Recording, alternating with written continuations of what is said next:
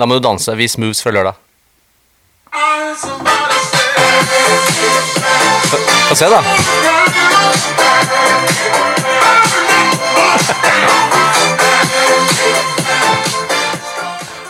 Sånn. Ja, fikk vi kicka i gang i dag òg. Ja, ja, ja, ja, vi gjør det. Vanligvis. Hva du peker på? Ledninga di er i ferd med å ryke. Gjesten kom inn med en gang her for å passe på at ikke du gjør noe feil, Tommy. Han har allerede gjort fire feil som vi ikke har hørt. Sånn, ok. Sånn, det var ikke noe problem, det er bare han som eh, Da var vi både klare med ukas låt og vridning av spiller. Yes, Ja, det er vi. bra. Skjønte du hva temaet med ukas låt var? Jeg fikk den ikke så mye med meg. Jeg Nei. hadde mer nok med å skulle danse. Jeg kan ikke gjøre to ting samtidig. Nei, det vet jeg. Han Andpusten. synger jo Burn Baby Burn. Ja, ja, ja, ja. Å, burn. Ja. Mm. Det skal vi snakke en del om. Skal vi ikke det? Jo. Ja. Bra. Hva har du gjort siden sist? Tommy Lande, det er jo Det er to uker siden. det er veldig lenge siden. Ja, faktisk. Det er det. Vi har jo hatt en påskeferie i, i mellomtida. Det har vi. Har du gjort noe spennende? Nei. Jobba Jeg kom jo tilbake fra eh, fødselspermisjon eh, rett før påsken. Så um, fredag var jeg tilbake. Mandag til onsdag jobba jeg òg Ja. i påskeuka. Og så var vi i Larvik, da. Fikk en liten langhelg der hos svigers fra torsdag til søndag. Fikk litt avlastning, kanskje? Ja. Det var deilig. Du, jeg, Før vi går videre, Ja. jeg må ta opp en ting med deg. OK? Du har blitt jævlig ræva på å svare på meldinger. Ja, sorry. Det var sånn ting som du sa til meg tidligere, at eh, du må huske å prioritere kompisene dine selv om du er pappa, Alexander. Det tar faen meg to døgn før du svarer nå. Ja, sorry. Men det, det, det er bare Det har vært noe. Det har vært mye med planlegging av det her heldagsgreia vi hadde på Krøsshusagene. Ja, ok, Så det har ikke noe med barn å gjøre? Eh, ja, det, det har jo kanskje litt med det å gjøre òg. Så jeg kan ikke bare skylde på, på den festen. Men eh, det Og det.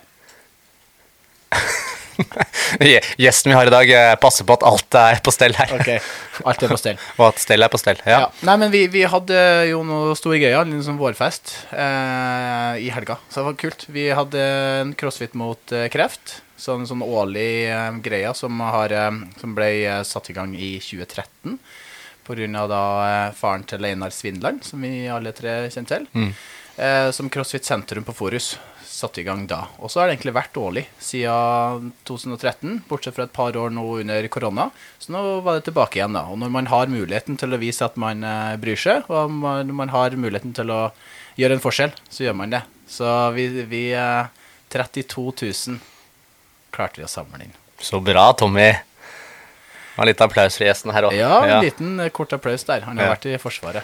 Så, nei, så det var bra. Det starta med det, og så hadde vi foredrag, både med Martin og Markus. Det var kult. Og så hadde vi noe VO2 Max-test, eh, som vi hadde leid inn en eh, fyr fra Oxylab i Trondheim. Eh, Kul greia.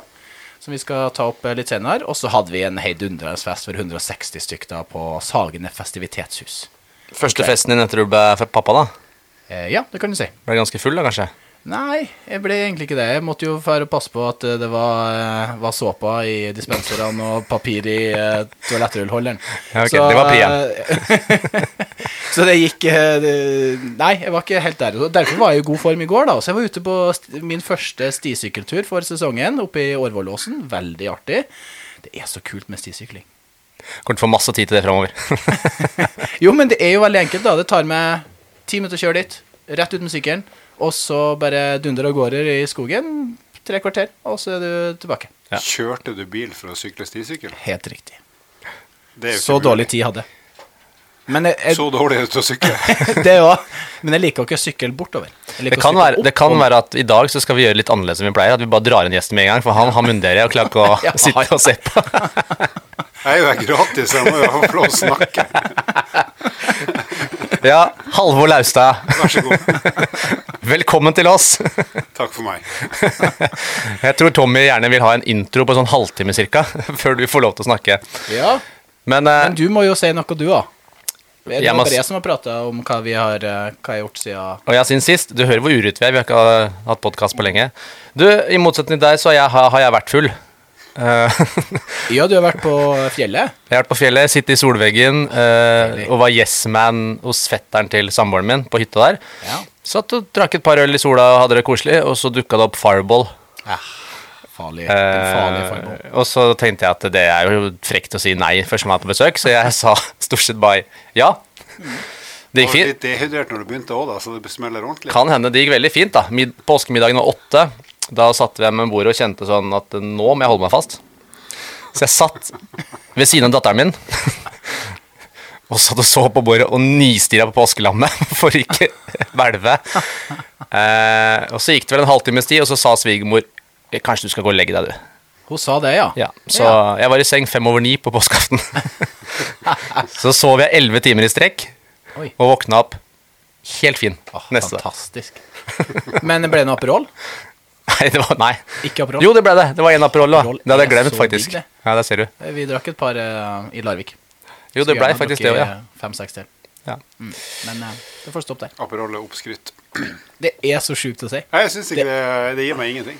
Det er som å spise salat. Det er en liten touch med sprite på toppen i stedet for den tonicen, så blir den ikke så besk. Ja, ok, jeg skal prøve neste gang. Gjør det aldri. Foreløpig har den terningkast én Oi. av tre, da. Så Ja, det jeg har seks av Det er ikke så langt opp. eh, hos meg. Er det. Men, uh, men jeg tror vi gjør sånn her at vi spiller vår faste lille trudelutt, og så får du lov til å introdusere gjesten sånn som du pleier, Tommy. Så er Yes. alt på stell. Det er alt på stell. Det er så fint.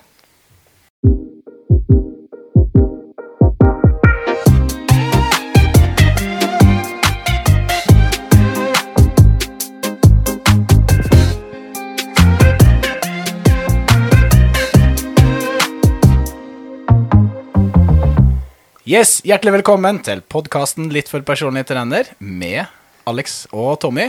Og i dag så har vi verken en spennende eller en celeber gjest. Men har, stygg er eh, ja. Men vi har Halvor Løystad med oss. Velkommen! Norges styggeste trener.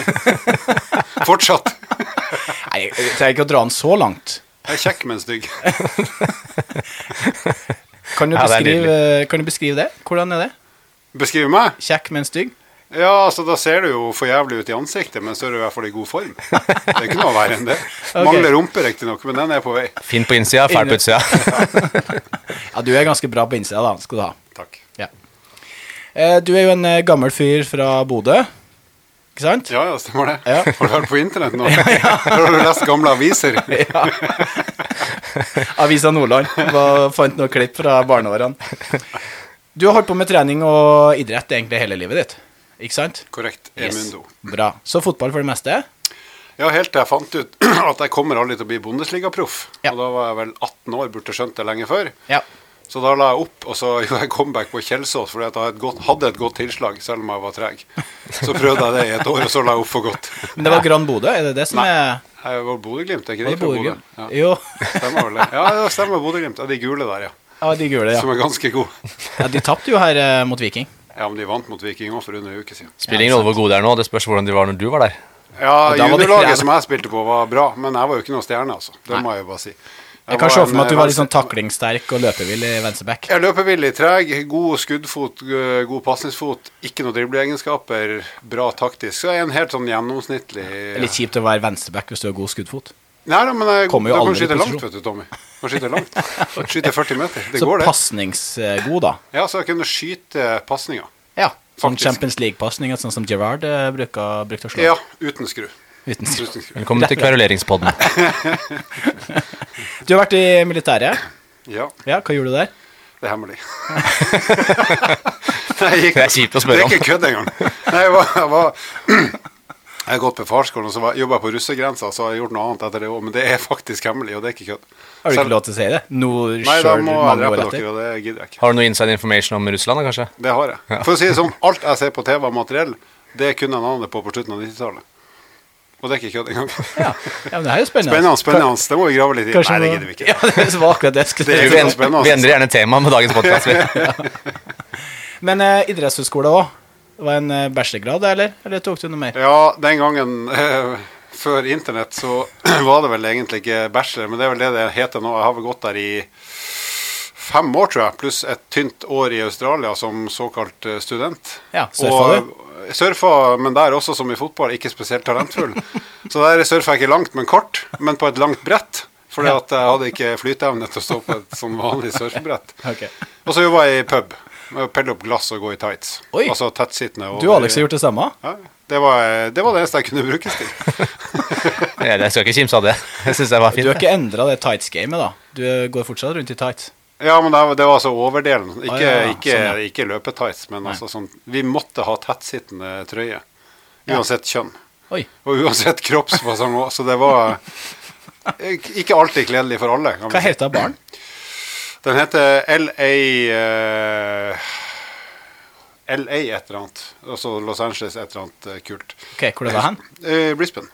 I Brisbane, ja. Det var et ganske kult sted, visstnok. Ja. Uh, uten at jeg skjønte noe av det. Jeg gikk jo bare rundt i mørket og plukka glass. og unnskyldte meg for dårlig engelsk. Ja, kult. Eh, men du, sånn over til treningsgreia igjen, da. Eh, Du starta mer med styrketrening sånn i studenttida. Det var det som oppholdt det da. Men så har du beveget deg litt mer og mer over på kondisjonstrening. Eh, Er det bare for at du så at potensialet ditt er mye større i, rundt kondisjonstreninga enn styrke? Ja, så jeg var, I og med at jeg var en dårlig fotballfyr, så hadde jeg i hvert fall god kondis. Det, det har jeg jo alltid visst. Jeg har jo alltid gjort det bra på sånne løpetester på skolen. Cooper og alt det surret der. Og så når jeg var i militæret, da, så gjorde jeg det bra på alle kondistester der òg, selvfølgelig. Og ditto dårlig på styrke. Selv om hangups er jo greit når du er lett og tynn. Men når jeg var i Forsvaret og idrettsskolen, så tenkte jeg at jeg skulle prøve å bli stor og sterk, og så ble jeg iallfall stor. Men ikke stor og lubben, og ikke så veldig sterk. Men jeg holdt på i ti-tolv år. Når jeg var i Sats òg, Tommy, så husker du jeg drev og tråkka rundt på Nydalen og prøvde å bli sterk? Det er så sjukt, det. Alle vi andre personlige trenere Vi drev og tok eh, knebøy, markløft og pullups og sånne ting. Ser du Halvor komme trappende opp, eh, opp eh, her i trappa på, eh, på Sats eh, Nydalen. 24 kom- lange trappetrinn. Helt riktig. Med, hånd, med armene med mm, albuebeskyttere, De. Det har du. Og knebeskytter og hele pakka. Satte han seg i nedtrekken uten oppvarming. Gikk direkte over til brystpressmaskiner. Eh, kjørte litt legextension mellom der òg. Og så avslutta han da med litt triceps pushdown. Det var økta til Halvor. Tre av tre. Men den økta har jeg eh, utvikla litt, for nå har jeg også lagt inn tåhev. Oi! Så nå er det fire øvelser. Er det samme styrkeøvelse du gjør i dag? Ja? Ja, ja. Og samme samme kilo, jeg har sikkert litt eh, Nei, er du gal? Jeg er enda svakere nå. Er det det? Jeg, jeg trener jo mark og bøy òg, da, av og til. Og gjør du det? Ja, ja. Det har jeg skal jo aldri sett, skal jo faktisk. Sykle, nei, men det er, for det, det er for at jeg vil ikke at noen skal se det. Jeg gjør det hjemme. Det var dårlig. Nei, det var, det var så artig, det der. Vi- Jeg er god i tåhev, da. Relativt sett. Tåhev er nok min styrke, beste styrkeøvelse, tror jeg. Ja. Ja. Jeg tror jeg aldri har altså. hørt eh, noen spørre hva er din 1 RM i tåa. Nei, og det er jævla synd. For jeg, to ting jeg er god på, det er tåhev og lukeparkering. Og det er ikke noe idrett som heter det. Men det burde det ha vært. Da hadde jeg vært god. Lukeparkering uten kamera. Ja, ok. Uten, ja, det var mitt oppfølgingsspørsmål. Ja. Nei, men um, Da har du fått med deg alt. Det var fin research. Syns du? Er, du, er du i mål, Tommy? Nei, eh, ikke helt. Ok. Jeg, jeg kan stryke siste del. Hvis ikke Halvor har lyst til at det skal fortsette. Nei, men jeg kan jo fortelle om mitt første møte med Halvor. For det var jo på, på idrettshøyskolen, og han var ferdig med Hva er det det, kall- hva, hva er det het for noe, da? Mellomfag? Det Ja, mellom, ja mellomfag. Det var Ja. det det het, ja. Stemmer. Men det het bacheloren jeg gikk der, da, for det var Ja, ja. etter internett kom. Så, men da foreleste du de samme som du skal prate om i dag, så du har ikke snakka om så mye annet. Jeg sier vel det samme òg, som jeg sa da. ja. jeg. Nei, jeg husker veldig godt det, at jeg satt der, og så prata du om, om fettforbrenning. Eh, og så gikk det vel et eh, noen, nei, noen år gikk det jo. Eh, det var faktisk i 2000 2011 var jeg på intervju hos deg på Sats Nydalen. Eh, fikk faktisk jobb, og takka nei. Det husker jeg. Ja. Men det var ikke Det var pga. Mats, husker du, Tommy? Eller kjenner du Mats du godt? Mats fikk ikke jobb hos Han fikk ikke topplønna hos Alvor fordi han hadde ikke jobba lenge nok som PT. Men han eh, jo, var naprapat, så han mente at han burde hatt det. Så vi gikk til Elixia begge to i stedet for. Ja. Så jeg kunne vært på Sats Nydalen, jeg òg. Så da, da kom jeg inn der i stedet. Det, Det var et ganske bra bytte. Den gjengen på Nydalen der var ganske bra, altså. Vi Sånn var seriøst. en fin gjeng. Dere var flinke. Ja, Henning, Anne. Marte, Jason, Ja, Bjørn det var Jason, egentlig, ikke Jason. Jo, det er ikke Jason. Det er jo en I. Det er Hvis du kommer. Han er fra Hellas, ikke sant? Ja, er sier ingen ikke Jason hvis han kommer fra Hellas. Jo, ja, men det er ingen som sier Jason fra Hellas Det er ingen som sier Jason. Jo. Jeg, skal, du, jeg vedda 101 kroner Men- på at uh, Greit. Jeg føler meg som fredsmegler. i dag. Det er deilig, da. Men, Men, det er eh, vanskelig å si om det var rett valg, da. Altså, Jeg fikk jo noen muligheter der, men jeg var jo bare i Elixia i et år. For jeg forsvant videre. Dere har vel klart dere bra begge to, uansett. For, så midt på det igjen debut. Ja. Ja. Men eh, du er jo en flink og flittig fyr. Du har gjort ganske mye opp gjennom årene, syns jeg. Jeg har jo googla litt, selvfølgelig. Og så kjenner jeg det jo litt. Du Så følger meg jo fra dag til dag, du, på sosiale medier. det er det. du er god der. Men jeg kunne aldri egentlig ha sett for meg at du har tatt CrossFit level 1-kurs. Og før det, til og med. Og attpådel i 2011. Det var ganske overraskende. Tidlig ute. Skal du fortelle litt? Grunnen til at jeg gjorde det Da jobba jeg i SATS som produktsjef, tror jeg, eller PT-ansvarlig, et eller annet sånt. Ja. Og da var jo crossfit i ferd med å bli Eller det vokste jo veldig, da, for det var liksom helt i starten i Norden. Selv om det var vel Danmark og Sverige som var først ute, hvis ikke jeg husker helt feil. Så da var vi Sats ute og kikka på en del bokser rundt om i spesielt Sverige for å se hva er det her, og kan det, kan det passe inn på et Sats-senter, eller kan vi ta med elementer der som gjør at det blir eh, at det blir håndterlig for et satssenter uten at det blir for mye eh, kritt og kalk og bare overkropp og hyling og skriking. Så det er derfor jeg var på det kurset sammen med en fra Sverige, og Anne Marte som du nevnte også, var også med på det kurset. Ja. for å bli sertifisert, så vi i hvert fall hadde en sånn, kall det en, et diplom på at vi hadde en innsikt. da, Og Ja. så se litt hva er hva er det egentlig? Så etter det så begynte jo Sats i alle land egentlig å legge til rette for litt mer av, kall det den type funksjonell trening, da. Hva nå enn det er, da. Men turnelementer og friveksttrening primært, da. Kettlebells. Og lage litt mer plass. Det er der de performance-teamene kanskje kom inn ja, litt etter hvert. ja. Så en slags sånn I, den, den gangen en litt mer normalisering av crossfit. Og Ja. så har det jo skjedd mye i crossfit som du annet holder på med, som gjør at det er jo mer normalt nå enn det var da. Ja. Selv om det er jo samme, for så vidt samme konsept. Ja, man prøver jo å beholde lekenheten. Men, Men der fant jeg jo også ut at jeg er fortsatt bare god i tåhev og lukeparkering. Så jeg var jo ikke god Ja, jeg husker vi hadde én sånn der eh, workout of the day på Ja. kurset, og der var det Det var 60-70 deltakere fra hele Norden. Og jeg kan jo si at det var ikke mange av de som var i veldig god kondisjonsform. Det kan jeg jo si. Så når vi hadde 400 meter løp som en av de her, vi hadde sånn lagstafetter, da husker jeg at jeg tenkte er jeg blitt dritgod til å jogge 400 meter, eller er de andre bare helt elendige? Jeg tror jeg vant med 100 meter på alle andre. Nei. Og det er ikke kødd, altså. Da sprang jeg ikke maks engang. Så tapte jeg på alt det andre. Men jeg husker at da var jeg litt fornøyd med at jeg iallfall hadde et hjerte som For det var vel kanskje mer på den økta enn de 400 meterne. Ja, det var jo det. Men de, de var jo så ødelagt etter de 400 meterne at de klarte jo ingenting. Men jeg tenkte på CrossFit som er prepare for the unknown. Det å plutselig legge inn lukeparkering hadde jo vært en kul øvelse. Tenkte jeg det hadde vært rått. vært Ja, uten uten uh, kamera. Først er det én erme tåhev rett over i bilen og lukeparkere. Kommer jo sånn Nissan eller en sånn Toyota noen, eh, som du må eh, styre med. Med manuelt gir. Ja, det hadde vært, det hadde vært kult. Det hadde Ja. vært ordentlig kult. Men sånn som du var inne på nå, så har du vært i treningsbransjen siden begynnelsen av 2000-tallet. Du har gjort ekstremt mye. Eh, du har jo eh, vært litt rundt omkring, sånn jobbmessig, kan man si. Og du har jo, sånn som du var inne på, produktansvarlig og PT-ansvarlig i Sats, annet. Eh, det er jo der jeg møtte første gang. Og du var jo titt og ofte på Sats Nydalen, som vi etter hvert syntes var veldig hyggelig. I begynnelsen så visste jeg jo egentlig ikke hvem, eh, hvem du var for noen. Jeg visste at du bare var han med albuebeskytteren og Triset Pushten. Eh, men Så gjør det samme fem ganger i uka. Uten at det skjer noe. ja. Men så ble jeg jo da invitert med på litt sånn intervalltrening opp Holmenkollen. Ja, du husker det, ja. Ja, jeg husker, Husker det. du den ene gangen du var raskere enn meg? Den ene. Det tok, vi, tok med to økter, og så var jeg forbi det. Nei, Det gjorde det ikke. Ja, Du det spilte niendedivisjon fotball og trodde du var helt King Kong.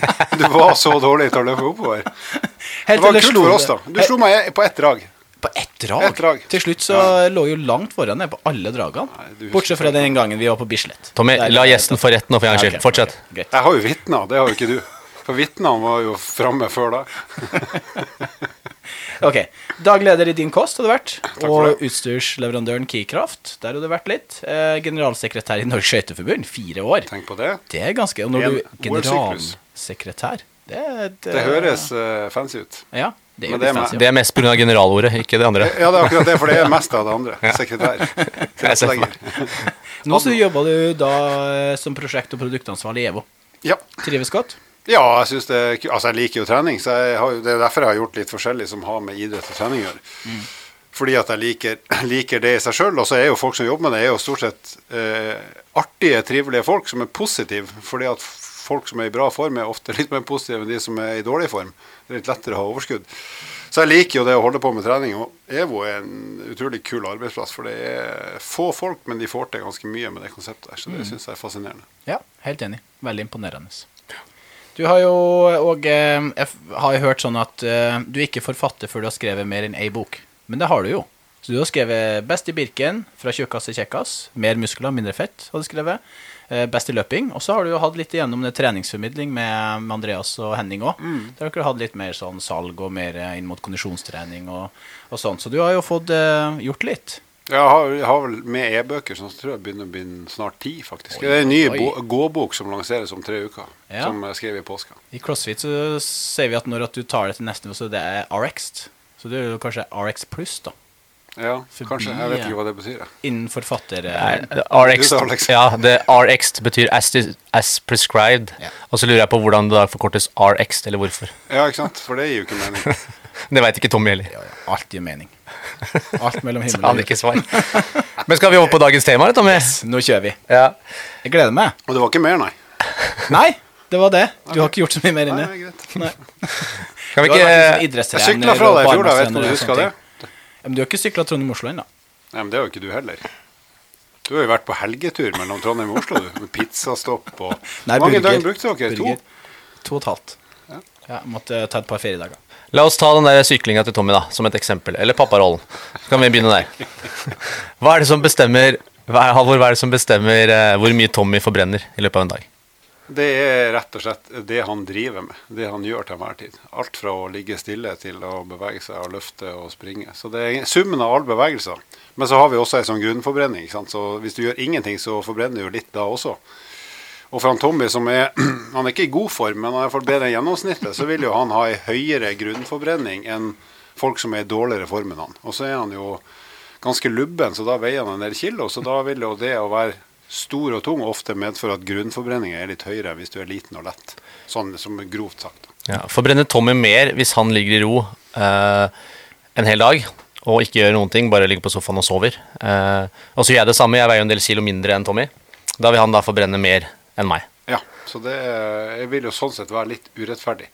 Men så har jo han flere kilo da også, så relativt sett så blir det ganske likt. Men er det uavhengig om de kiloene er fettvev eller muskelmasse? Mm, Nei, men den forskjellen er ikke så stor som mange skulle håpe. Så eh, hvis du sier at La oss si at vi har, han Tommy hadde hatt en tvillingbror eller søster. La oss si bror, da, siden du er gutt eller mann. Du er fortsatt gutt siden du er under 59.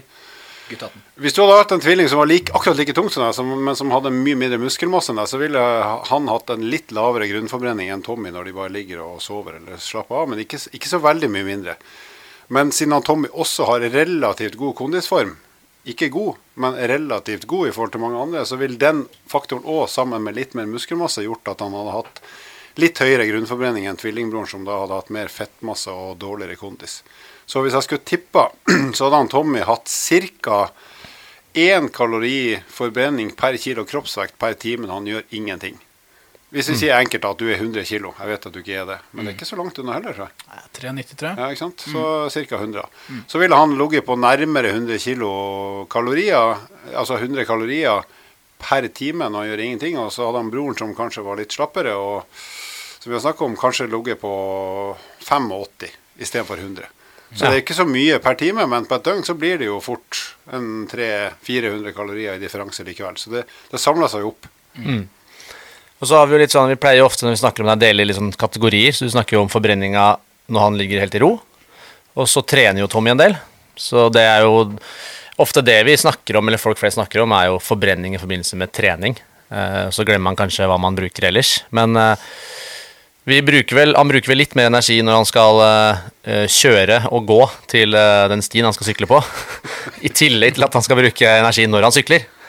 Så hvilke kategorier har vi der? Altså Vi har trening, og så har vi ligge i ro. Hva fins imellom? Ja, altså, ikke sant? Vi skal si det kjedelig, skal du si alt annet enn ingenting gir gir jo at forbrenninga blir høyere enn hvis du tar det med ro. Så det å gå sakte, da forbrenner du mer enn hvis du sitter stille. ikke sant? Da går du fortere. Så, så jo mer du gjør fysisk, da, jo større fysisk arbeid du gjør, jo høyere blir forbrenninga. Men det, det veldig mange ikke skjønner, da, eller som har vanskelig for å akseptere, det er jo det her med det er mange ganger vi snakker om puls, ikke sant? høy puls og høy forbrenning. Så det, det mange ikke skjønner, det er at det å ha en høy puls i seg sjøl gir jo ikke noe høy forbrenning. Hvis du har høy puls for at du gjør en svær jobb, f.eks. springer fort eller roer fort eller tråkker som en tulling på sykkelen, eller løfter massevis av kilo med masse reps, da er jo det høy puls uttrykk for at du gjør en stor jobb. Og samtidig har det en sammenheng med at du har høy forbrenning for at du faktisk gjør mye. Men så kan det være andre ganger der du har høy puls uten at du egentlig gjør noe særlig i det hele tatt. Det kjipeste eksempelet er jo hvis du er i kjempedårlig form. La oss si tvillingbroren din, Tommy. Hvis han skal gå seg en tur sammen med deg i en slak oppoverbakke her på Torshov, så kanskje han har 190 puls, som er nesten makspulsen hans, for han er i så dårlig form. Og så har du nesten hvilepuls. Men dere gjør jo den samme jobben, nemlig å gå ganske sakte i en motbakke, så da er forbrenninga ganske lav. Men hvis han tenker at wow, jeg er jo kjempesliten, jeg er helt utmatta, jeg går, jeg, må jo ha enorm høy forbrenning fordi jeg er så sliten og har høy puls, så er jo ikke det riktig. For at, mm. da er pulsen bare uttrykk for at han er i dårlig form. Og at hjertet må jobbe hardt for at han skal kunne gjøre bitte lite grann. Ikke sant? Sånn at der vil mange tenke at jeg er sliten, jeg har høy puls og jeg er i bevegelse, mm, da må jeg ha høy forbrenning. Men hvis du er sliten, har høy puls og nesten ikke gjør noen ting, som f.eks. gå sakte, så blir jo forbrenninga veldig liten. Så det som er i hvert fall min utfordring ofte, hvis jeg skal være ærlig med folk uten å ødelegge motivasjonen, det er å få dem til å forstå at det er den jobben du gjør, den bevegelsen du gjør, eller det du driver på med i noen minutter, det er det som avgjør hvor høy forbrenning er, ikke om du sjøl er sliten eller ikke. For da har du jo folk i kanonform, kan springe i 18-19-20 km i timen uten å bli kjempesliten. Mm. Men de forbrenner jo sinnssykt mye for det, for det er jo en enorm jobb å flytte en kropp så fort. Eller en roer. ikke sant? Dere har vært på kurs med han Tufte. Når han ror rolig, så ror jo han mye tøffere enn vi klarer. Når vi tar i maks, så han forbrenner jo masse selv om han på sitt nivå tar det med ro. Så det er jo som å forstå det at det er den jobben jeg gjør fysisk med kroppen min, som ligger til grunn for hvor høy forbrenning du har i enhver aktivitet annet enn å sitte stille. Ja, for det der føler jeg også, eh, Det er veldig fint at du tar opp det her, for det er jo veldig spennende. Veldig mange bruker jo klokka når de skal eh, finne ut hvor mange kalorier. Og så er det veldig mange som går etter det her for hvor mye de skal spise og sånne ting for å ta igjen de kaloriene, eller la ligge over eller under, eller hva det er for noe. Men det er jo ganske mye feilmargin der, for du, du merker jo at det er ikke mange kiloene og mange repsen på en knebøy du trenger før at du kommer opp i makspuls. Men likevel så har du ikke forbrent så mye kalorier. Så um, fortell litt mer om det, egentlig. Hvis du tar på ei klokke, da kan du aldri vite hva du gjør, med mindre du har GPS-klokke. Da kan jeg forstå hva du driver med hvis du driver med kondisjonsaktivitet der du flytter i terreng, altså si utendørs. da. Og da Det enkleste eller mest pålitelige er jo hvis du går eller løper, for da skjønner den Hvis du har plotta en vekta di, så vet du at ok, du flytter på den kroppen der, og du beveger deg så og så fort så og så lenge og er så og så mange høydemeter. Så da vil klokka være helt riktig, som pluss-minus noen få prosent. Hvis du sykler, så er det noe annet, ikke sant? for der eh, det kan være medvind, motvind. Så der skal du vite nøyaktig hva du faktisk forbrenner der. Du, du har jo sykla litt, Tommy, i hvert fall i fjor. Da må du faktisk vite hvor mye kraft du legger ned i pedalen. Så på noen spinningsykler kan du se hvor mange watt du har. Vi måler kraft med i watt. Eller du kan gjøre det på en computer ute. Men hvis du ikke har det, så har du ikke peiling på hvor mye du egentlig forbrenner. Så da kan ikke klokka vite det. Og det samme hvis du trener styrketrening der du bevegelsesmessig går kanskje rundt på 20 kvadratmeter i en time ikke sant? og løfter litt her og der. Hvis da klokka bruker bare pulsen din for å forstå hva du egentlig har gjort, og hva du forbrenner, så har den jo kun kroppsvekta di og pulsen din å gå etter. Og da vil de fleste klokkene ha ei, en kalkulering som forteller at med den og den pulsen, øh, hvis du har lagt inn din makspuls så vil du forbrenne så og så mye hvis du er oppe i 70-80-90 makspuls. makspuls. Og så vet vi at etter tre-fire reps i knebøy, som du sa, så er du nesten oppe på makspuls. Og det er mange grunner til det, så, og det er sånn det skal være. Men det betyr jo ikke at du jobber hardt. For når du har tatt kanskje fem-seks repetisjoner til, så setter du deg ned. Så da har du hatt høy puls i 30-40 sekunder, og så tar det jo fort et minutt før den går helt ned igjen, kanskje mer òg. Så da har du egentlig hatt ganske høy puls i nesten halvannet minutt. Men du har egentlig bare satt deg ned og reist deg opp igjen ti ganger med noen kilo på ryggen. Og det er ikke så veldig mye jobb, egentlig. Selv om det er tungt. Og det skaper jo ikke noe høy forbrenning. Så der vil jo veldig mange få sjokk hvis de godtar at det er sånn, da, at det ikke kan stole på pulsen som en forbrenningsindikator, så er det veldig mange som blir skuffa, men samtidig begynner å regne tilbake i livet og begynner å skjønne at OK, nå skjønner jeg kanskje hvorfor jeg ikke brukte 1000 kalorier på 1 time og 20 minutter med styrketrening. Mm.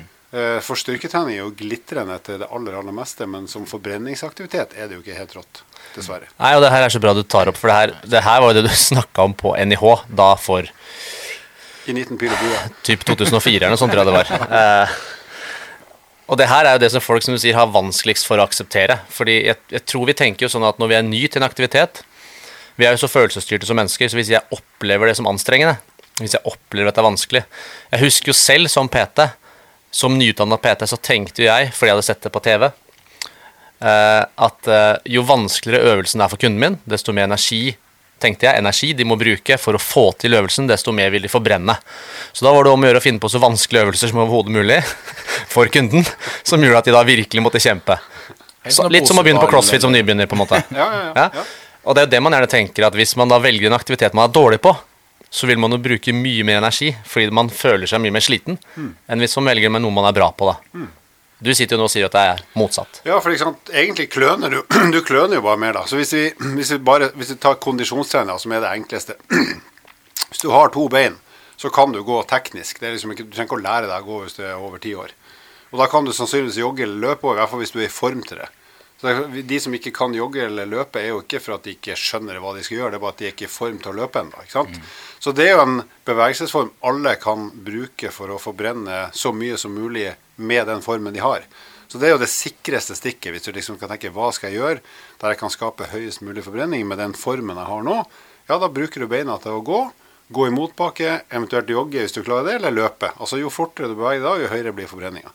Så har du eksempelet med sykkel, som også er dritlett. Til og med spinningsykkel som ikke kan velte. ikke sant?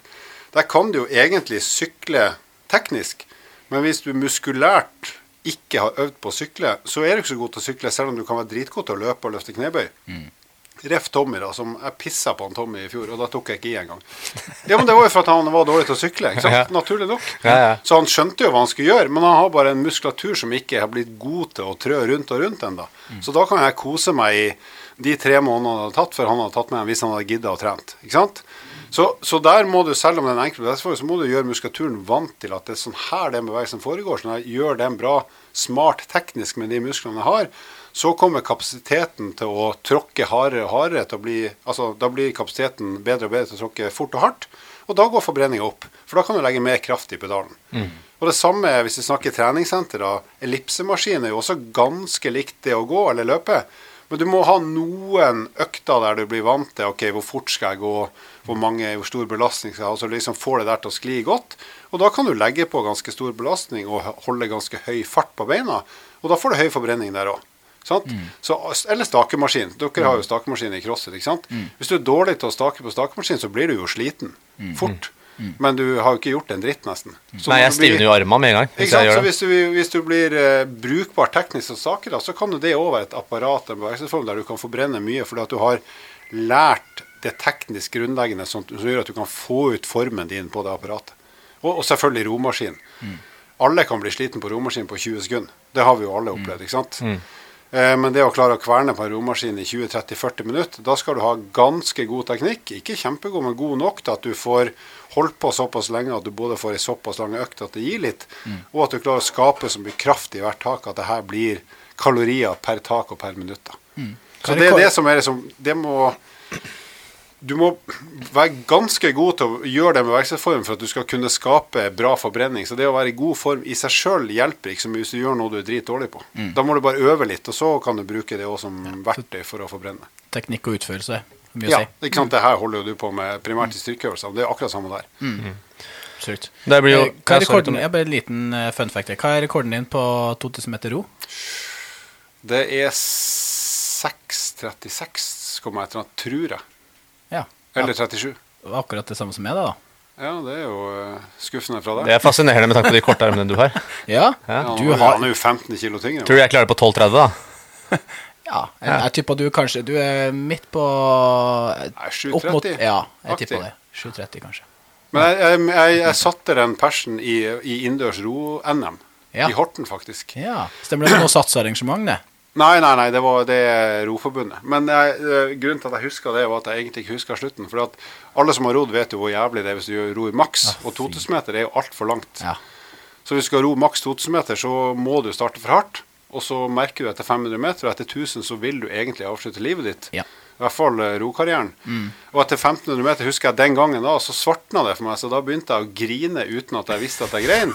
Så hadde jeg ei som heter Jorunn Foss, ei veldig hyggelig dame som jobber på Skulder sportssenter, som heldigvis var der. Ja. Og hun sto foran og bare ropte etter meg et eller annet, jeg husker ikke hva, men som gjorde at jeg bare fortsatte i svime helt til jeg var ferdig, da. Ja. Det Så, eh, høres ganske likt ut som Og da mener jeg at med en total kollaps, men ikke sant, du klarer likevel å tyne ut et eller annet, da. Mm. Så da mener jeg 6.36,7, et eller annet sånt. Nå frister det veldig å prøve på 7,30 her på Men 7.30 er ikke dårlig, altså. Bare sånn seriøst. Det, det, det er ikke, Nei, det er derfor jeg sikta på 12,30 til å begynne med. Hva jeg tror du gjennomsnitt eh, en, Jeg tror det er 1,38-1,39, blir ikke det? Ja, jo, rundt, sånt. eh, rundt her. Per 500. Per 500, ja. Så det er ganske Altså, hvis du er dårlig det, er u, det er veldig bra til å være dårlig. Ja, men nå snakker vi om vår tid, da. Men, men ikke sant, så ja, ja, så, 6,36, ikke sant, mens de beste i verden ror jo på 5.35-5.40. Ja, for det var jo på kurset til Olaf Tufte, og vi gjorde jo, tok jo to 2000 meter tester på to dager. Ja. Så vi skulle teste lørdag, og så skulle vi teste søndag. Men hadde, du hadde bra framgang da, sikkert? Ja, 6.45 tror jeg jeg hadde fra før av. Ja. 6.44, og så gikk ned til 6.36. Det er bra det er på helg. Ja, og hadde var jo sliten teknikk. og- Ja, det var jo det. Jeg Ja, ja. dro jo veldig mye med armene, eh, Ja. som de aller fleste gjør. Og etter hvert når jeg begynte å få brukt beina, så i eh, første runden på lørdagen når vi testa, så var det, det var armer. Det var ar. Det var der jeg kjente, og rygg. Mens eh, det gikk over til å bli beina og rumpa Mm. eh, på siste. Så veldig stor forskjell. Så ser man jo hvor mye teknikk? Men der derav bare ta deg som Du er jo i god nok form til at roing er en smart måte å trene på hvis du skal forbrenne mye. For du, Mm. du skaper så mye kraft, at, og du kan holde på så lenge at det er liksom ikke noe stress. Men kan vi også si da at Tommy brukte like mye energi, selv om han forbedra tida si, fordi han rodde like langt? Uh, ja, det, det er her er så likt at vi kan vel egentlig si det. Men det er litt avhengig om du måler per en distanse, eller om du måler per minutt. Men det her er så liten forskjell at i praksis har du jo brukt basically det samme. Men hadde det vært litt sånn to-tre minutters forskjell, så hadde det vært ganske stor forskjell i forbrenning per minutt. Ja. Men det som er litt interessant å ta opp her, Halvor, er jo det Nå snakker vi om at den energien vi bruker, handler om det arbeidet vi legger ned. Og så har vi jo trening for å bedre kondisjonen, for du sa jo kondisjonen vil jo påvirke totalforbrenninga vår. Og da har man jo ulike måter vi trener kondisjon på, og da vil man jo tenke at skal jeg bruke mest mulig energi når jeg trener kondisjon, så må jeg velge en aktivitet jeg kan holde på en god stund for å bruke mye energi. Men så har man jo intervaller type 4x4 og andre varianter som er mye, mye kortere, som jeg kanskje ikke får holdt på så lenge med, men der VO2-maksen min, oksygenopptaket, vil øke. Hva er det lurest å legge fokus på hvis jeg nå skal fokusere på forbrenning? Hvis vi ikke snakker om deg, da, men en som er i dårlig form Ja. Det var, et, eh, Det var veldig godt kompliment, Jeg sier ikke at du er i god form, men du er i hvert fall ikke i dårlig form. Nei, og det er et godt nok kompliment for meg. det er ikke så verst. Men ikke sant? Det, for de som bør gå ned i vekt, og la oss være ærlige, det er ganske mange som bør gå ned i vekt. Det har ikke noe med hvordan du ser ut å gjøre, det er bare at du skal kunne ha et hyggelig liv i en del år, og ikke bare dø i overmorgen pga. ræva form. Sant? Sånn er det. Da ville jeg tenkt at nummer én, da må vi jo få formen fortest mulig til å bli bedre, sånn at du kan bevege deg mer, sånn at du ganske kjapt kan gjøre at bevegelsen og treninga di har mye å si for å gå ned i vekt. Hvis du er i elendig form, så kan du trene hardt, men du kommer jo ikke til å gjøre mye, som vi snakker om, for du er i for dårlig form til å gjøre en stor jobb. Så da er du veldig avhengig av kosthold i starten. ikke sant? Gå ned på kaloriinntak for å gå ned i vekt. Sånn er det for alle. Men hvis vi da tenker at nå skal jeg fortest mulig komme i bedre form, sånn at treninga kan bety mer og mer, så ville jeg jo valgt i hvert fall to-tre ganger i uka en eller annen form for intervalltrening på det nivået som passer for det mennesket, for å få opp kapasiteten i hjertet. Som er viktig, for da får du jo pumpa ut mer blod, og når du får pumpa mer blod til muskulaturen, så får du mer oksygen. Som gjør at musklene kan jobbe hardere enn de kunne før, for de får rett og slett mer drivstoff, da, for å si det litt teit. Så da ville jeg tenkt La oss nå si at det er en person som er i helt elendig form, at vi to-tre ganger i uka lager økt. Vi finner oss en slak motbakke, så sier vi at nå skal du gå så fort du kan i to minutter oppover i den bakken der. Så får du 90 sekunder pause, så går du bare rolig nedover igjen. Så sier vi at den bakken er kjempelang. da. Så gjør vi det sånn at du har seks eller sju eller åtte sånne tominutter med de 90 sekunder pausene, der du får lov å hente deg inn igjen med å gå kjempesakte, med bare puste og bevege deg lett. Og da har vi jo fått, hvis vi sier at vi har åtte ganger to minutter, så har vi fått 16 minutter med bra trøkk. Selv om det er ikke noe å skryte av å gå ganske sakte i oppoverbakke. Det ser jo ikke rått ut. Men for den personen der er det jo maks, nesten. Så hvis vi gjør det to-tre ganger i uka, så vil jo hjertet til den personen der etter økt nummer én, to og tre bli mye større og sterkere så fort. Så etter ei uke, kanskje etter andre økta, så vil den personen si at oi, jeg kommer jo mye lenger opp på de to minuttene nå enn jeg gjorde forrige uka. Og i uka etter det enda lenger, ikke sant? fordi at de øker farta pga. at hjertet blir større og sterkere.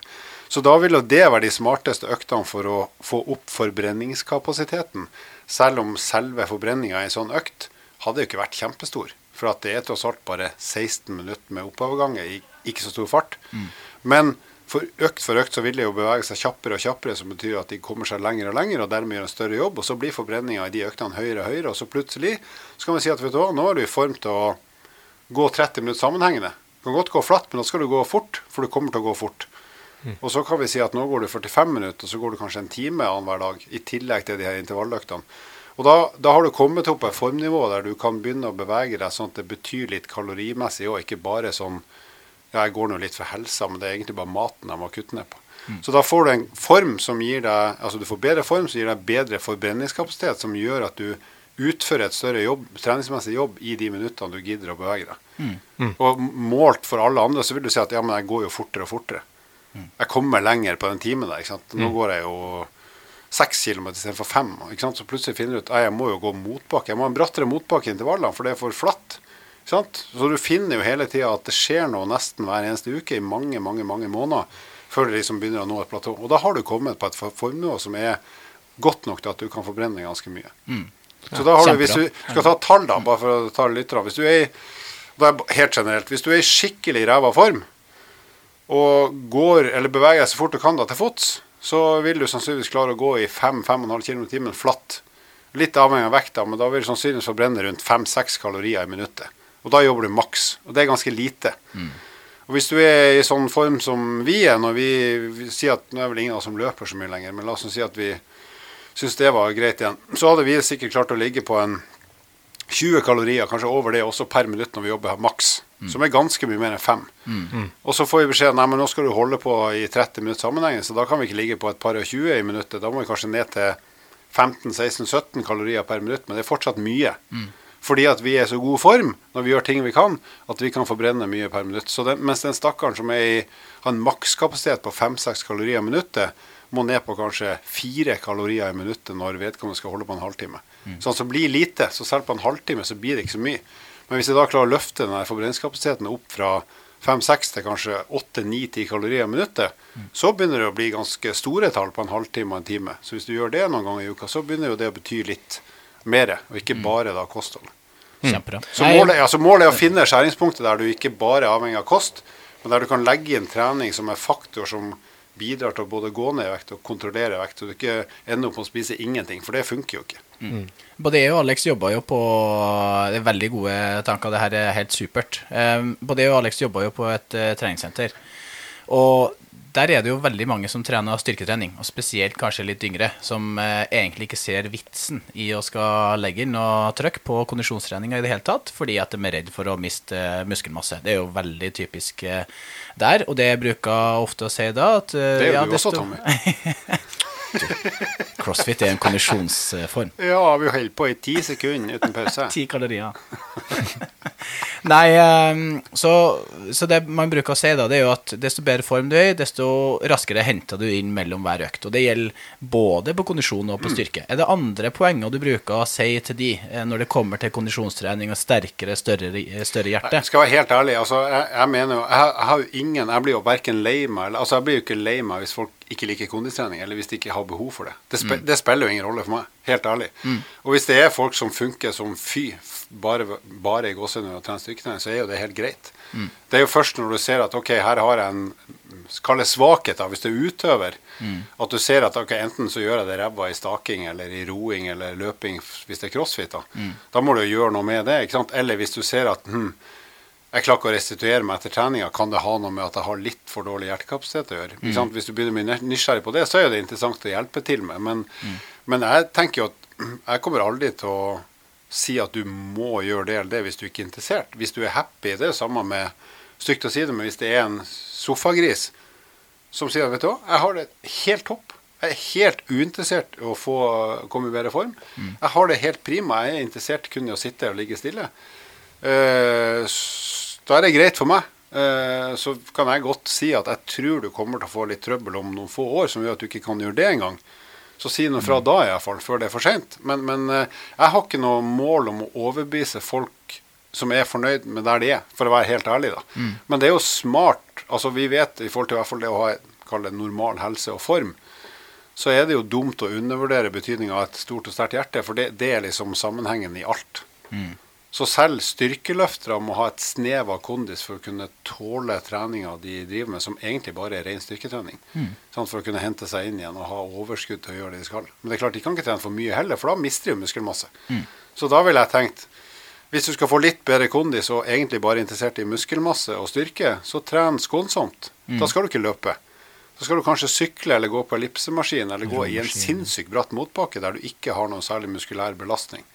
Det ville vært gode valg. Eller stakemaskin, da, for så vidt, der du nesten ikke bruker beina, i hvert fall ikke i støtbelastning. Romaskin, da? kan Eller romaskin. ikke sant? Og Der du unngår støtbelastning. Ikke sant? Der, er- da vil du jo kunne trene kondis. Og det, helt ærlig, en sånn person som du snakker om der, er kanskje Kanskje de skal ha tolv minutter i uka da med høy intensitet. Seks ganger to minutter, og så that's it. Så det er bedre da med kortere eh, varighet. Ja, og da vil jeg bare ikke sant, frese opp eh, Hjertetrening er sånn rundt 90% av makspuls. Og for de som ikke kjenner pulssonene, så er det rett og slett da det er jo så andpusten at du ikke har lyst til å snakke. Du kan maks si ja eller nei, og så må du puste igjen. Det er så tungt det skal være. Så hvis du klarer å samle 10-12 minutter med det en gang i uka, hvis du er ellers egentlig ikke interessert i kondis, da har du gjort noe som er bra for hjertet. Som gjør at det blir nok litt større og sterkere enn det er nå. Og det holder egentlig, hvis du ikke er interessert i noe mer. Ja.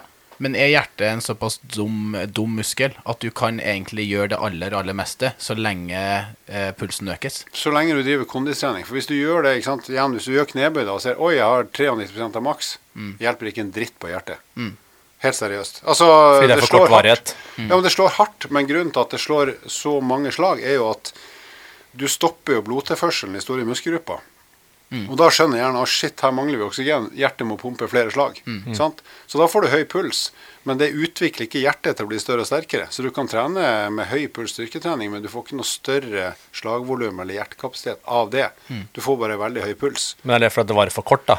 Nei, det er for at, du, det er for at eh, hjernen din fanger opp at det mangler oksygen. Så det eneste mekanismen vi har da, det er å slå flere slag, ikke sant? bare for å prøve å motvirke. ok. Og så funker jo ikke det så godt, for det samler seg, også samler seg opp CO2, ikke sant? Ja. Som også Oi, nå må vi slå enda mer, for det er masse CO2 her òg som ikke skal være her. ikke sant? Og i tillegg, når vi trener styrke, så har vi sånn at den muskelen Når den trekker seg sammen, så blir den jo veldig tjukk på midten, da, for å si litt teit. Og da blokkerer jo den egentlig blodtilførselen. Altså, det er jo massevis av blodårer som går inn og ut av musklene. Når de blir på en måte strupa av, da, eller blokkert av muskel som trekker seg sammen, så kommer det jo nesten ikke blod fram. Ikke? Og i tillegg så har du f.eks. i knebøy så bøyer det opp og ned.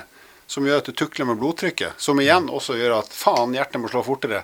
Så alle de tingene der gjør at hjertet slår veldig kjapt i styrketrening, spesielt sånn markløfts knebøyøvelser. Så du får høy puls.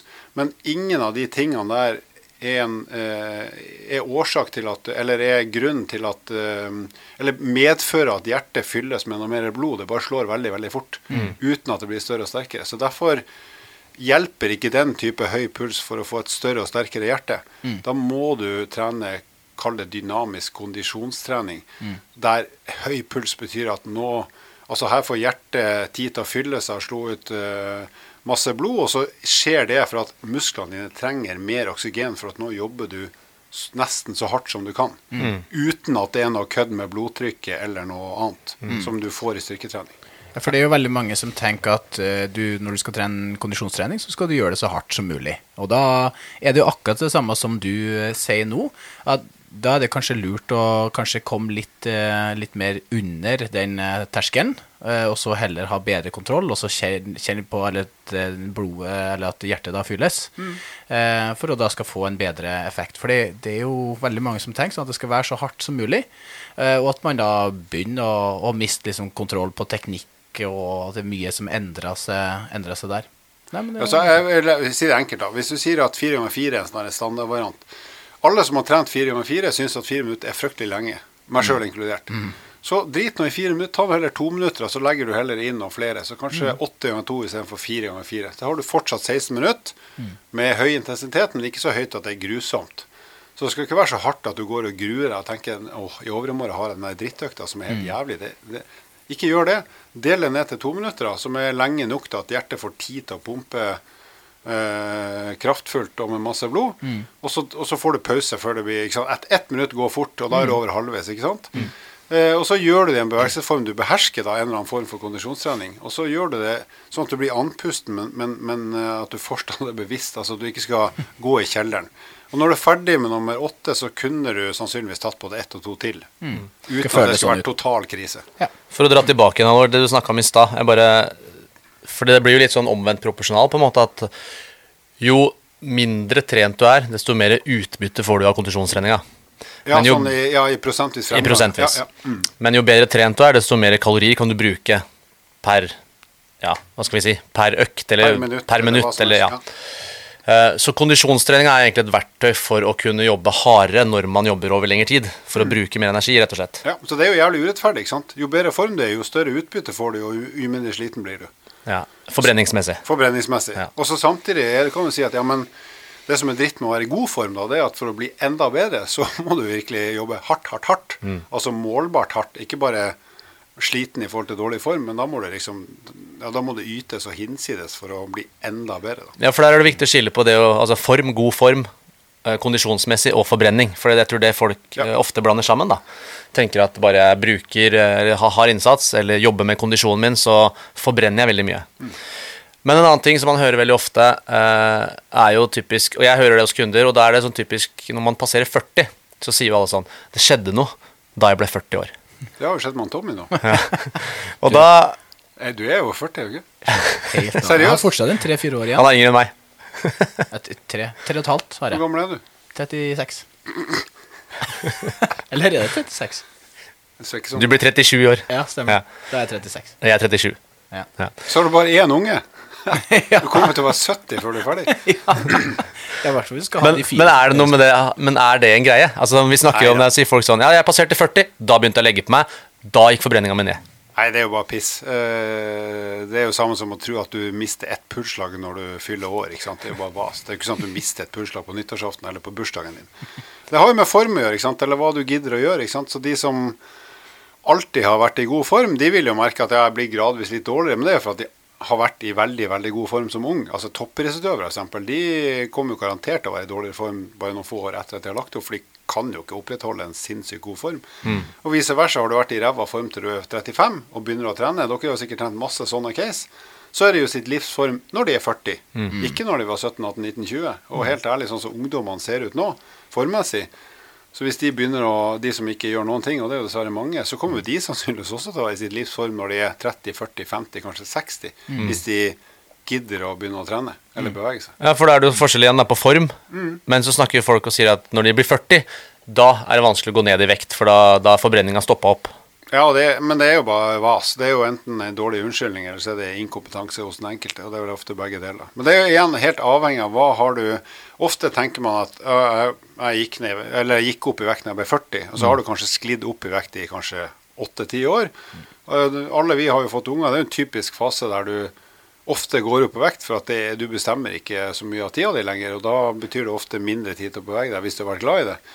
Og så er det ikke sikkert at matinntaket er noe annerledes enn før. Kanskje verre, for at du må spise til så rare tider, og du har ikke tid til å lage maten like ordentlig som før. ikke sant? Så det er mange, det er jo en sånn typisk faktor. Enten når du begynner å jobbe, at det blir et annet liv, en student, og når du får unger, når du liksom ikke styrer tida di sjøl i forhold til før. Så det er jo sånn typiske faser i livet der du ser at det skjer noe. Men så kan det hende at du har glemt det når du ser fem år etterpå. Oi, shit, jeg er jo ti kilo tyngre enn jeg var i 2022. Men det har jo ikke skjedd på et kvarter, det har jo skjedd over år. Men er det samme spilleregler resten av livet? For det vil jo være forskjell altså Når du er liten selvfølgelig og i utviklingsfase, så vil du bruke mer energi.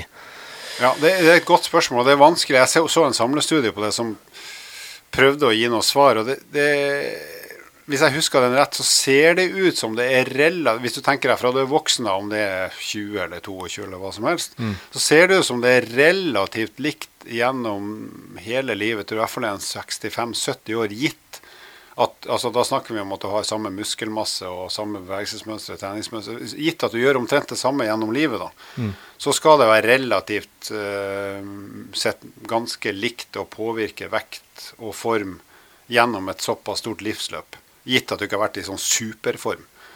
Og så vil, men igjen da, så ser du alltid at ok, når det er en knekk i kurven, så hva er det som har skjedd her? Jo, du har vært sjuk, eller du har vært innlagt for et eller annet. altså At du blir inaktiv. da, Det er jo alltid det vi ender opp med å se.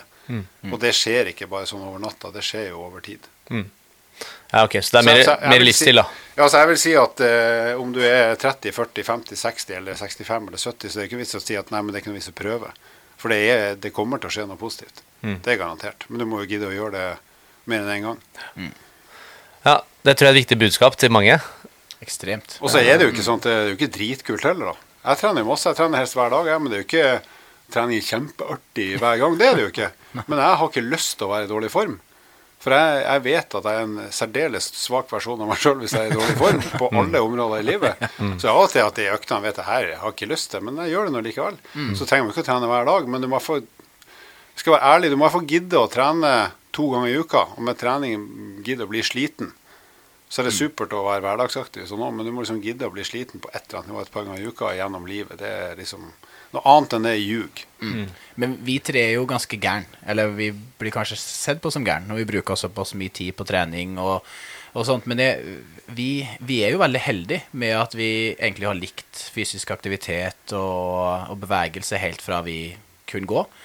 Og jeg tror det må ha vært mye innslag om det der at eh, aktive barn blir aktive voksne. Så det har jo sikkert mye å si eh, sånn i oppveksten og sånne ting, at man eh, er flink til å dra med barna på, på ulike Ja, ja, det, det som er kjipt å se Nå har jeg tre unger, så jeg har- jo sett litt av hvert av både foreldre og andre unger. Det, det som er kjipt å se, er jo de ungene som har foreldre som ikke enten ikke gidder å være, bevege seg med ungene, eller altså det er så vidt de gidder å kjøre de til trening, men som altså som ikke gidder, eller som i det verste fall ikke kan. Det er jo kjipt, for de ungene Jeg sier ikke de får noe dårlig liv, men de har i hvert fall ingen forutsetninger for å kunne få utforska det å være i bevegelse. Kanskje like å være i bevegelse. Og ikke for å bli god i noe, men i hvert fall ha en sånn helse som gjør at du kan velge litt av hvert i livet da, som du syns er spennende, Altså ikke bli begrensa av dårlig helse. Det syns jeg er kjedelig. Ja, det er supertrist å se. Det er det. Jeg har et siste spørsmål til Alvor når det kommer til forbrenning. Nå har vi prata litt om eh, Tommy og tvillingen hans og forskjellen på muskelmasse og sånn. Men eh, Har du fått tvillinger? jeg har jo tegna, jeg har jo tegna Ole Dole Doffen her. Du har, det må jeg si, jeg ble imponert over eh, Du har skrevet opp tema på eh, Ja, ikke sant? med håndskrift og med, til og med tegning. Ole Dole Doffen. Det der er Donald. Eh, er Donald som ungdom, da. Men det er Donald som sier 'digg at det er så høy forbrenning'. Men man hører jo hele tida stadig sånn 'jeg har lav forbrenning', eller 'ja, men hun eller han har så høy forbrenning'. Hvor stor forskjell er det på oss mennesker sånn genetisk på hvor høy forbrenning vi har? Vanskelig å si genetisk, for det er vanskelig å måle. Men hvis du tar eh, det vi har tall på, hvis du tar forskjellen på det å være i god form og dårlig form, som vi har ganske mange tall på, så kan vi si at igjen, da, hvis vi tar eh, Tommy og tvillingen eh, Hvis du sier at hvis du er i god form og med god form, så har du god kondisjon. Ikke Therese Johaug-kondis, men god kondis.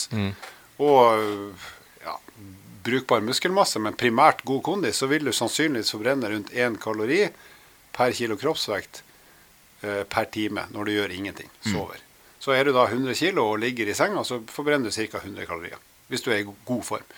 Og Hvis du da er 100 kilo og er i dårlig form, og da mindre muskelmasse, mer fettmasse og svakere hjerte, så vil det ligge, tallet ligge rundt 0,8 kalorier per kilo kroppsvekt per time. Så da har du en ubalanse på 80 versus 100 kalorier per time i hvile.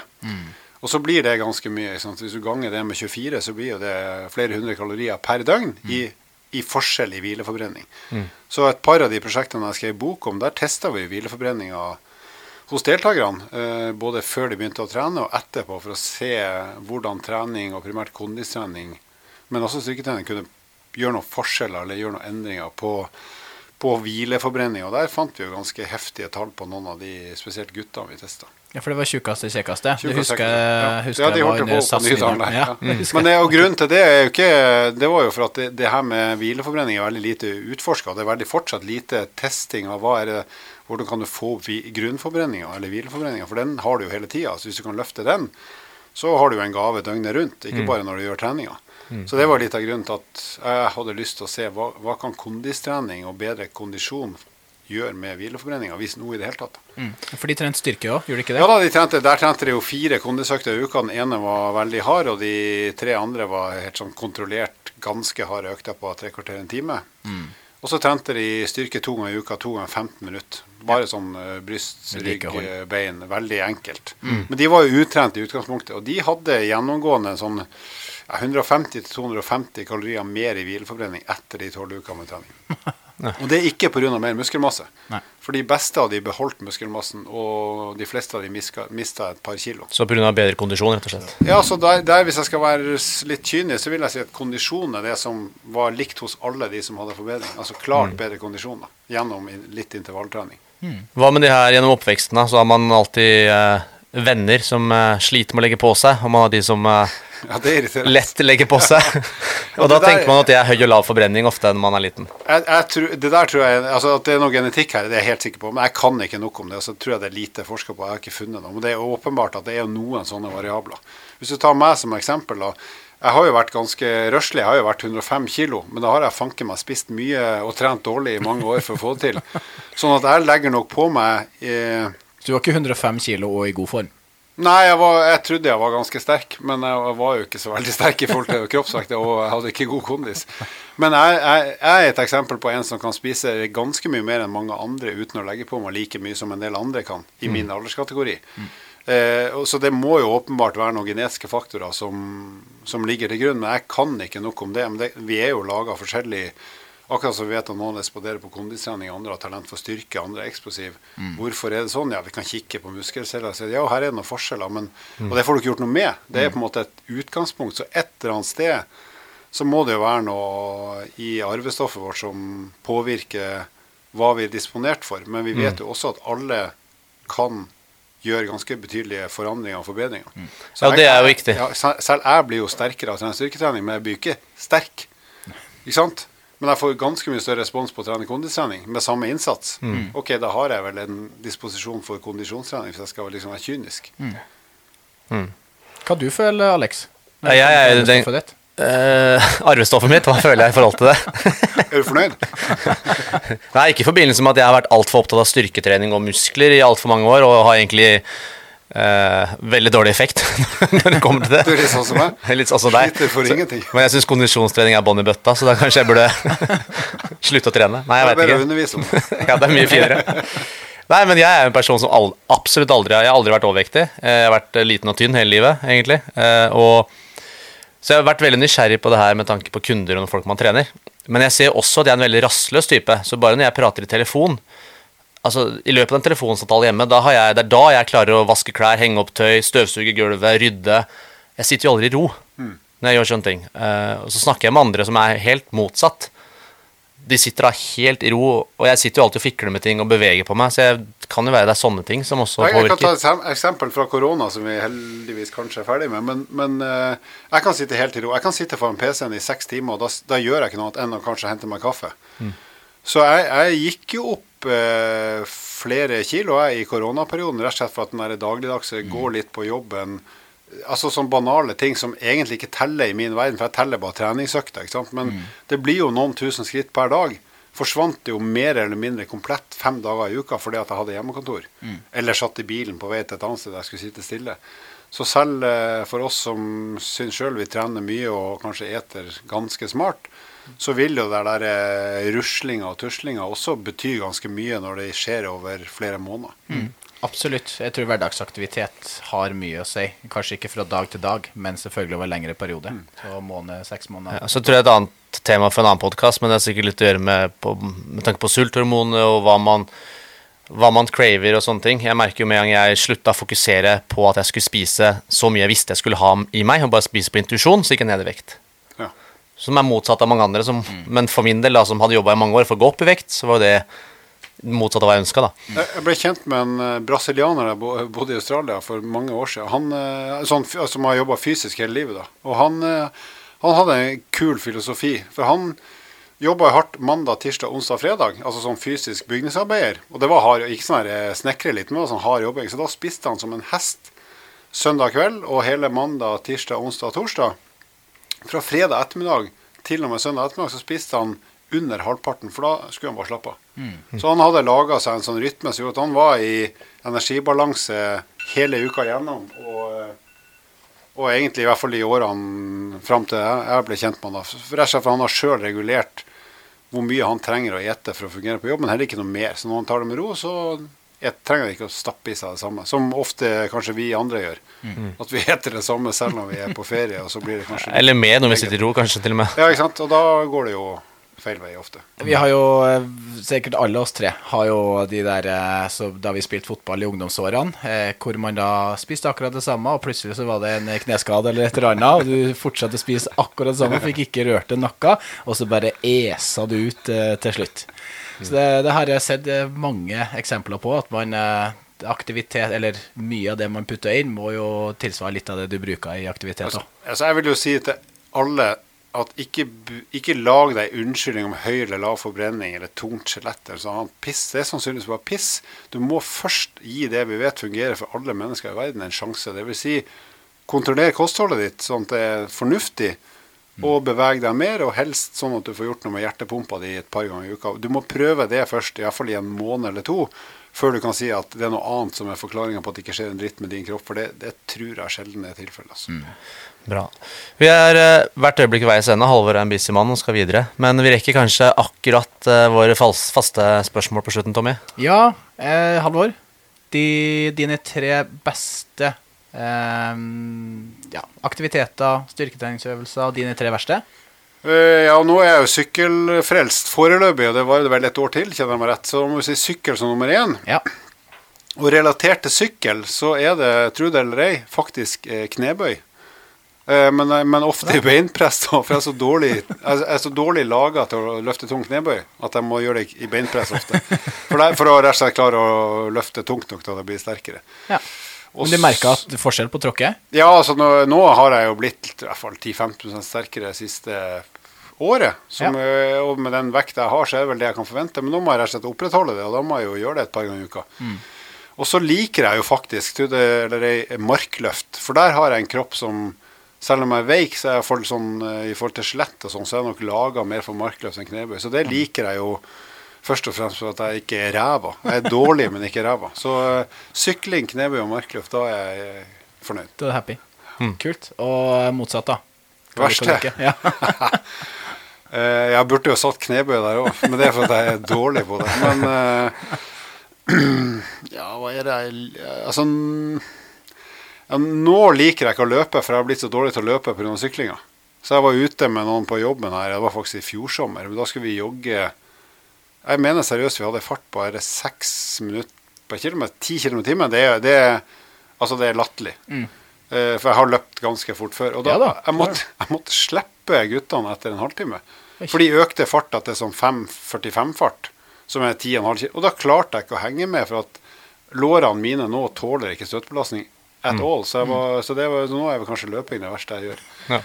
Eh, ja, og eh, benkpress er heller ikke noe stjerne i. Kanskje ikke noe sjokk. Derfor du gjør brystpress? Derfor gjør jeg brystpress og setter armene så langt fram som mulig. Så slipper jeg å ha stort bevegelsesslag. Det er jo kanskje de to eh, verste. Selv om jeg gjør de, så er det, jeg er så dårlig i forhold til før at jeg syns det er trist. Ja, det er glimrende. Og dans, da. Og dans. som dans. Koreografi og sånn. ja, ja. Alt, alt som må koordinere med en ett ledd, det er vanskelig. Enig i det. Nei, men Så bra. Du, Tusen hjertelig takk for at du tok deg tid, Halvor. Det var kjempehyggelig å ha deg her. Og veldig overraskende at det var trivelig å Ja, ha deg på så, takk med. Og jeg tror til og med vi glemte, glemte vi å si at vi er kolleger i AFPT òg. Det Eh, Ja, det gjorde vi faktisk. Så da kom litt av introen på slutten. Ja. Men, eh, Men AFPT er jo bra, så det er jo bare å melde dere på der, så treffer dere i hvert fall en av oss. Og Kanskje flere. Og der kan man til og med høre mer om fettforbrenning hvis man ønsker. Yes. Med Halvor. Oh yes. Ja, men Bra, folkens. Vi eh, takker for eh, denne gang, og så høres vi igjen om en uke. Det gjør vi. Vi leter etter dørene. Vi leter etter dørene. Hei da. Ha det.